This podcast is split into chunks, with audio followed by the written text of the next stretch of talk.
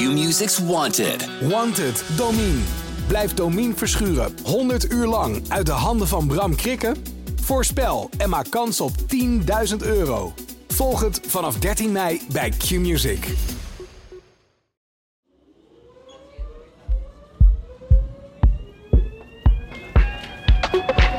Het ITVA staat weer voor de deur, oftewel het International Documentary Film Festival Amsterdam.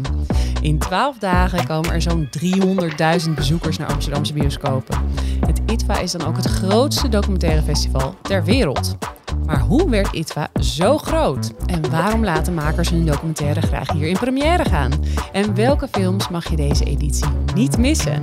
In Amsterdam Wereldstad, een podcast van het Parool, bespreken we een Amsterdams fenomeen en geven we antwoord op de vraag: hoe zit dat eigenlijk? Mijn naam is Lorianne Gelder. Welkom. Heel fijn dat je weer luistert naar een nieuwe aflevering van Amsterdam Wereldstad. En in deze aflevering bespreken we alles over het documentaire festival ITVA. En dat doen we met Jan-Pieter Ecker, chef kunst bij het Parool. Welkom Jan-Pieter. En Petra Latasser Tsisch, documentairewaker. Welkom. Jan-Pieter, op 9 november start alweer de 35e editie van ITVA. Hoe is dat festival ooit begonnen? Klein. Ik ben er zelf pas vanaf de derde editie bij geweest. Maar, ik weet dat het ooit begonnen is, opgezet door Ali Derks, die ook een eeuwigheid directeur is gebleven. Zij, het is eigenlijk gebouwd op, op Festicon. Dat was een soort themafestival in de, in de meervaart. En, dat ging ter ziele. En toen heeft zij eigenlijk dat overgenomen met, met de beste dingen ervan. Dat waren documentaires. En dat is ook, dat, dat was in de meervaart. En dat was dus moeilijk om daar buitenlandse gasten te krijgen. En zij heeft het verplaatst naar het centrum, naar de Bali. Dat was in Alfa, een bioscoop in het Hiersgebouw. Bestaat niet meer. En het is echt heel klein begonnen met, ik denk, 70, 80 films en een, en een handvol internationale gasten en, en, en Nederlandse makers. Wanneer uh, sloot jij aan bij dit uh, festival? Ik, ik, denk dat ik bij de tweede editie uh, een film heb gekeken. En voor aanvang van de derde editie ben ik er naartoe gegaan en heb ik gevraagd of ik een dagkrant voor ze zou gaan maken. Een dagkrant, wat, wat moeten we daarbij voorstellen? Ja, dat is intussen zijn dat hele mooie luxe uitgaven. Maar dat was toen waren dat acht A4'tjes. Of uh, twee dubbelzijdige A3'tjes. Je hebt iets meegenomen, Ja, het, ik heb het nog gevonden. Ik moest lang zoeken. Uh, het zijn echt unieke exemplaren. Maar we, we, maakten... Het was echt plakken en knippen en s'nachts kopiëren en zelf vouwen en insteken. En de volgende ochtend gingen we ze dan ook nog zelf uitdelen. En wat zette je daar dan in? Ja, het, mooie daar was natuurlijk dat je al die mensen kon spreken. Want dit, en dat is, vind ik nog steeds de grote charme van ITVA. Er, komen zoveel makers, uh, mensen met hun eerste documentaire, die willen je heel graag te woord staan. Dus wij, spraken iedereen. En, en hoe, hoe, knullig het er ook uitziet, het is echt een soort uh, schoolkrant plus, of niet eens plus. iedereen wilde erin. Ja, ja, dus dit was uh, begin jaren negentig. Ja. Dus het was eigenlijk gewoon een, een klein festivalletje in, in Alfa. Dat zat in zo'n steegje eigenlijk bij het Leidseplein. Ja, dat waren drie of vier zalen. En, en dan hadden ze ook soms de uitkijk er nog bij. En wat heel erg goed werkte, was de Bali als festivalhart. Dat was heel overzichtelijk. Iedereen liep daar, dus je, je, het kon ook niet missen. Er zitten heel veel voordelen aan, aan het groter worden. En, uh, maar wat jammer is, is, is dat het, het, ook wat meer verspreid is. Je moet harder zoeken om, om, uh, om zomaar iemand tegen het lijf te lopen. En het, het is inmiddels het grootste documentaire festival ter wereld. Waarom hebben ze die titel verdiend? Of hoe zijn ze zo groot geworden? Voor mij waren ze het eigenlijk heel snel, want je had in het begin helemaal geen niet zoveel echte documentaire festivals. Je had, je had als ik het goed heb, uh, je had wat in Sheffield. Je had Leipzig, maar die focuste heel erg op, op, op films tussen Oost en West. Maar het was, ook, het was niet echt een hele politiek. Het was niet echt een gezellige stad om naartoe te komen. Dus dat, dus dat werkte ook niet. En dit was in Amsterdam. Dus het, al heel snel gewoon op, ja, wereldstad Amsterdam. Mensen wilden hier graag naartoe komen. Je werd goed verzorgd. En zo is het, is het razendsnel het grootste uh, documentaire festival van de wereld geworden. Want inmiddels zijn er hoeveel films? Destijds 80, 90 misschien? Maar... Ja, voor mij zijn er ook wel eens meer geweest dan nu. Want ze willen het ook overzichtelijk houden. Dus je, je hebt nu uh, dat films vaker worden vertoond. Ik denk 300, een stuk of 300. En dat zijn dan niet alleen films, maar ook uh, interactieve installaties. Noem het allemaal maar op. Ja. Het, is, het is heel breed geworden. Maar wel met 300.000 plus bezoekers. En Petra, jij maakt documentaires. Dat doe je al, doe je al heel lang met je man Peter Lataster. Ja. Luisteraars kunnen jullie misschien kennen van uh, de kinderen van Juf Kiet uit 2016. Ook op het ITVA in première gegaan. En dit jaar gaat er weer een film van jullie in uh, première op het ITVA. Reis door onze wereld. Wat maakt ITVA voor jou zo bijzonder? Ik beschouw uh, het ITVA als een geestverruimend middel. In de beste zin van het woord. Okay. Dat het een hele nieuwe blik op de wereld geeft, op de problemen die op dit moment wereldwijd bestaan.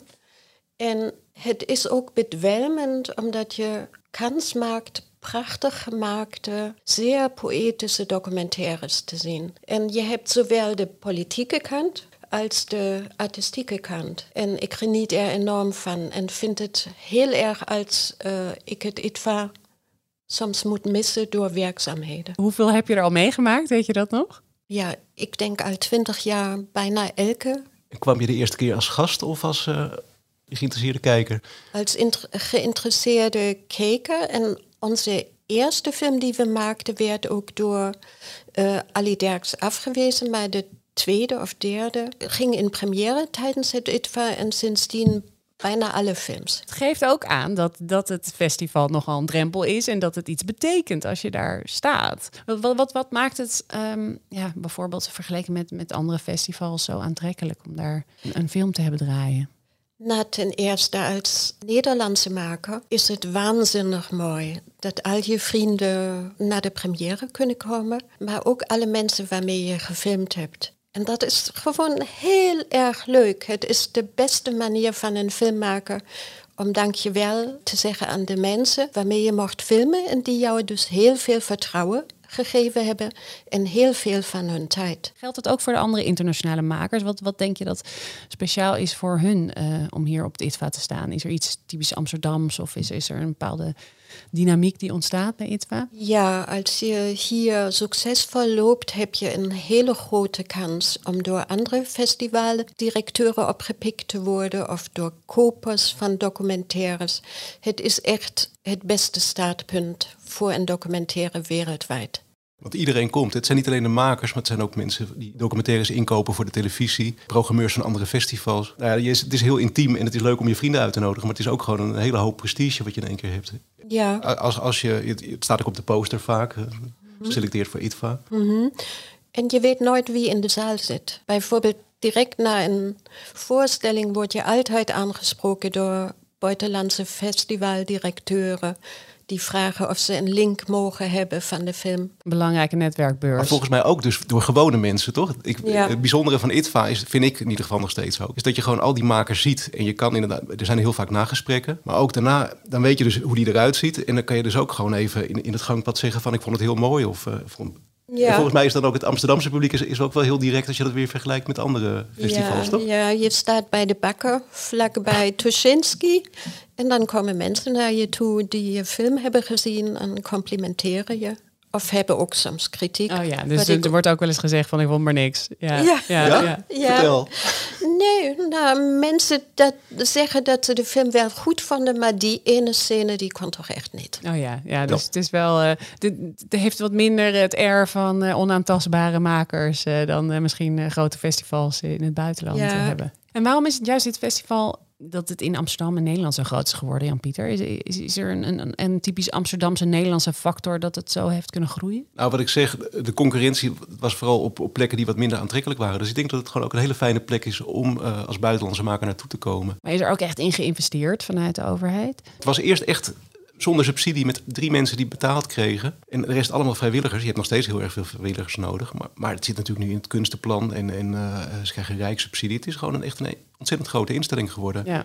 En de stad ziet ook de belang, het belang wel. En, en de zalen zitten dus vol, maar, maar met wie? Is het, spreekt het ook een, een jong publiek aan of is het juist een uh, meer gevestigd ouder publiek? Ja, allebei. Het is, het is natuurlijk wel voor een deel is het ook gewoon uh, wat, wat, ouder publiek. Ik denk dat ze dat niet zullen ontkennen.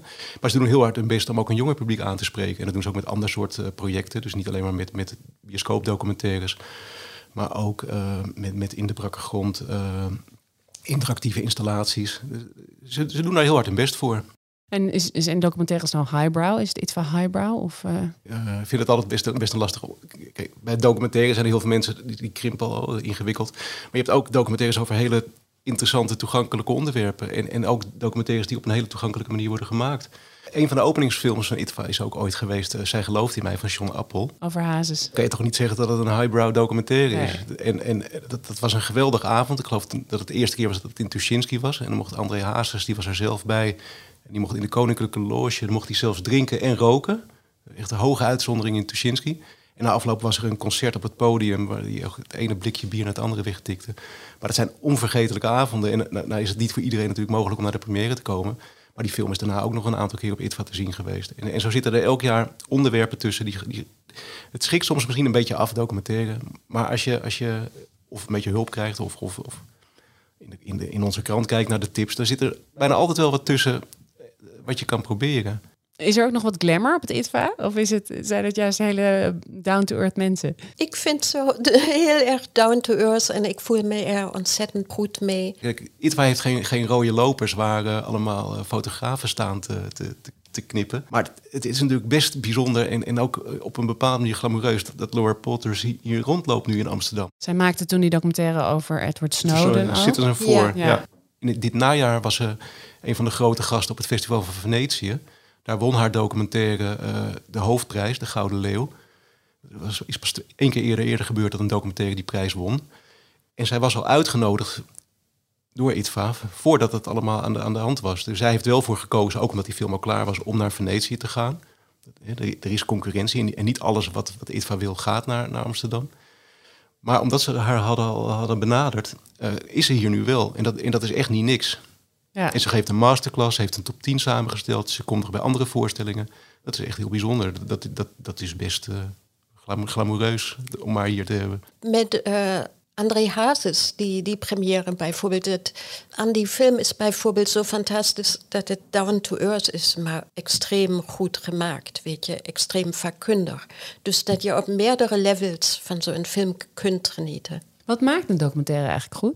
Jij geeft ook les aan, aan jongere um, mm documentairemakers. Ja, ik moet zeggen dat ik meer dan andere makers altijd heel belangrijk vind dat het vakkundige aspect, dus goed camerawerk, goed geluid, goede montage, dat ik dat heel erg belangrijk vind, maar dat je ook moet proberen, hoe klein jouw onderwerp ook is, er een onderdeel van de maatschappelijke discussie van te maken. We hebben bijvoorbeeld mijn man en ik nu een première van een film die in de binnentuin van onze woning plaatsvindt, omdat we door corona gedwongen waren om binnenshuis te blijven. Dus hebben we besloten om een film in onze tuin te draaien. Ja, en dat is Reis door onze wereld. Ja, ja. maar het gaat wel, hoewel je dus heel, hele kleine onderwerpen toont, praten we tegelijkertijd wel over vergankelijkheid, maar ook over de klimaatcrisis. Ja, ja. Zonder dat we het thematiseren. het is toch, hoe klein ook, het is gewoon een film over leven en dood. Eh, eh, ook letterlijk. Dus het is een tijds, tijdsdocument, het is een natuurfilm, het is, het is heel veel tegelijk. Maar dat moet er wel in zitten als je het ver, verpakt in een soort eh, wetmatigheid van een goede documentaire. Voor mij bestaat er geen wetmatigheid. En uh, ik ben het met je eens dat vakmanschap heel erg belangrijk is. De, de, stem van de maker is heel erg belangrijk. Maar als er een soort formule zou zijn, zou iedereen goede documentaires maken.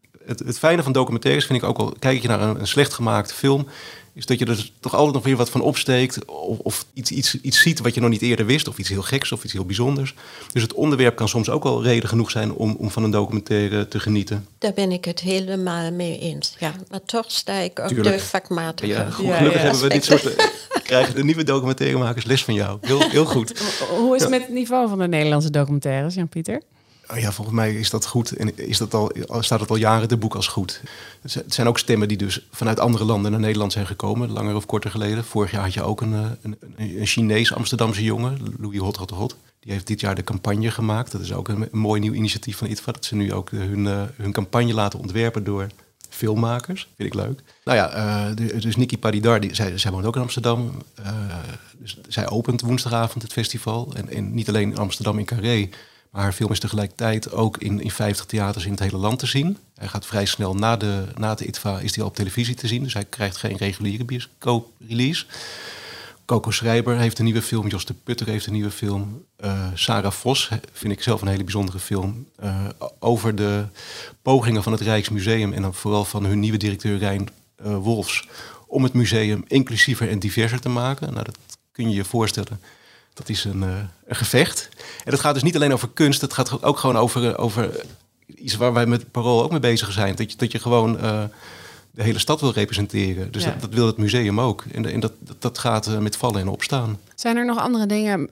Dit is dan de 33ste keer dat jij naar het ITVA gaat. Zijn er nog andere dingen die echt zijn veranderd? Of iets in de organisatie die misschien anders is geworden? Het is internationaal. De eerste paar jaar uh, was het moeilijk. Hadden ze geen eens geld om die films te ondertitelen. En op een gegeven Dan, moment... moest je gewoon een, een Taiwanese film in het Ja, ik Taiwanese weet niet hoe ze dat deden. Dat was dan met Engelse ondertitels, denk ik. En dat is nu natuurlijk nog, nog, nog, nog steeds af en toe.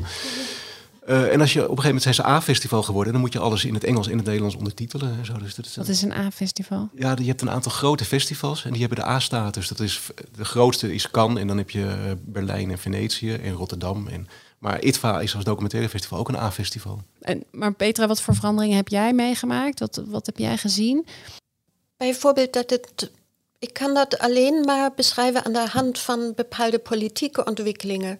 Bijvoorbeeld waren 30 jaar geleden ook al films over de klimaatcrisis. Maar het was iets uitzonderlijkers. Die films moest, moesten vechten tegen de meningvorming door woordvoerders van de fossiele industrie bijvoorbeeld.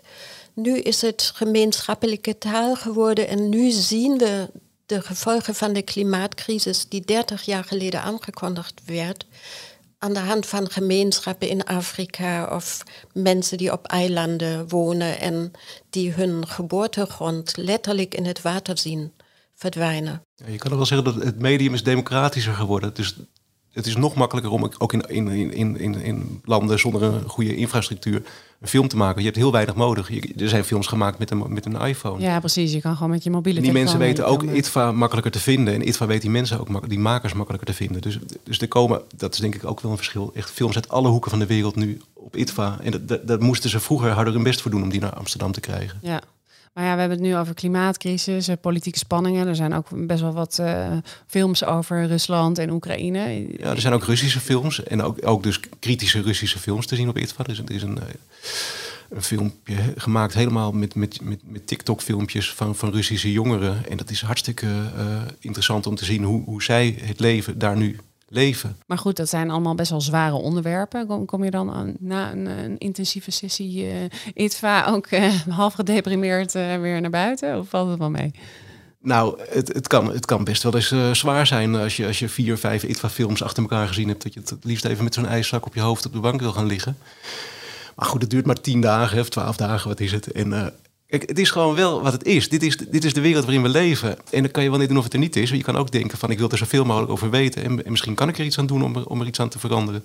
Het zijn niet allemaal goede doelenfilms met, met daarna een Giro-nummer dat, je- in actie moet komen. Daar hou ik helemaal niet van. Maar impliciet doet het natuurlijk wel wat met je. Het plant een zaadje en, en, en Trouwens leer je ook dat je niet alleen bent, bijvoorbeeld met je klimaatzorgen. En dat is ook een steun in de rug bij de hoop op verandering. Wat ik ook altijd heel mooi vind aan documentaires, het dagelijkse leven van mensen kennen. En de dagelijkse zorgen van hele gewone mensen. Eh, zoals je ze dus nooit ziet in een toeristengids. Ja.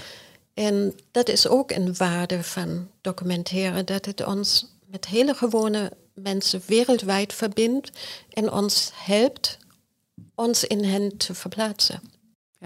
Ja, mooi, mooi gezegd. Jij, jij staat zelf in die, eh, in, die, in die eigen film Reis door de Wereld ook eh, op één been eh, te tanden poetsen tijdens die coronacrisis. We krijgen Ja. ook een heel intiem inkijkje in, in het leven van jou en, eh, en Peter, je man.